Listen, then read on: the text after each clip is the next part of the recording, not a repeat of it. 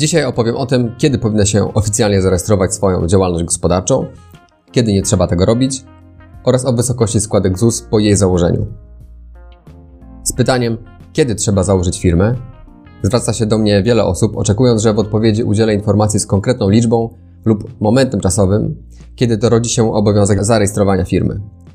Można na to pytanie odpowiedzieć ogólnie, właściwie jednym zdaniem. Otóż firmę powinniśmy założyć wtedy, kiedy prowadzimy działalność gospodarczą. Nie oznacza to jednak, że chcąc prowadzić sklep internetowy, to już wraz ze sprzedażą pierwszego przedmiotu na Allegro powinniśmy mieć założoną firmę. Kluczem jest tu więc definicja działalności gospodarczej, którą jest zorganizowana działalność zarobkowa, wykonywana we własnym imieniu i w sposób ciągły. Taka jest definicja z ustawy, która rzeczywiście na pierwszy rzut oka niewiele wyjaśnia, ale postaram się wytłumaczyć, co należy przez te pojęcia rozumieć. Ma to dla przyszłego przedsiębiorcy decydujące znaczenie. Żeby zatem faktycznie traktować czyjeś działanie jako działalność gospodarczą, muszą zaistnieć cztery rzeczy. 1. Zorganizowanie, czyli muszą być wykorzystane konkretne składniki materialne lub niematerialne i muszą być one połączone w sensowny mechanizm, który może uczestniczyć w obrocie gospodarczym. Poprzez zorganizowanie należy rozumieć także podjęcie czynności, które czynią naszą działalność widoczną na zewnątrz, czyli na przykład wynajęcie lokalu, wywieszenie baneru reklamowego, wydrukowanie wizytówek. Mówiąc o zorganizowaniu działalności gospodarczej, nie sposób pominąć czynności zmierzających do pozyskania klientów, czyli nabywców naszych towarów lub usług oraz do wypracowania przez przedsiębiorcę odpowiedniej renomy.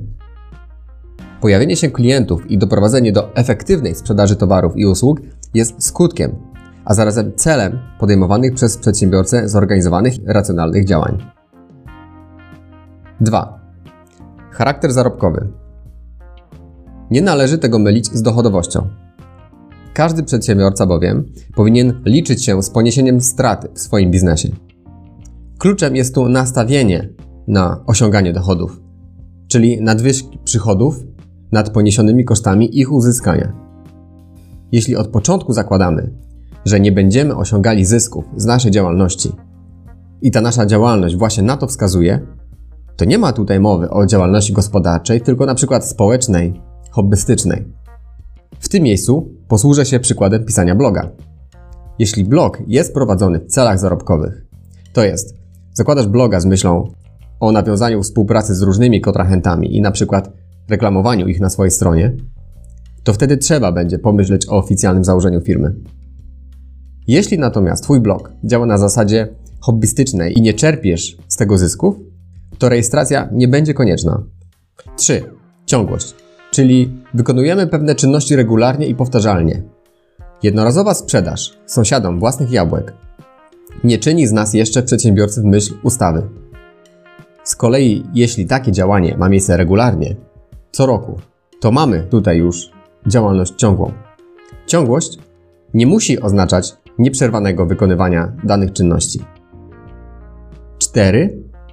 We własnym imieniu. Tutaj chyba nie trzeba wiele tłumaczyć. To jest prowadzenie działalności na swoją rzecz i zaciąganie zobowiązań właśnie we własnym imieniu.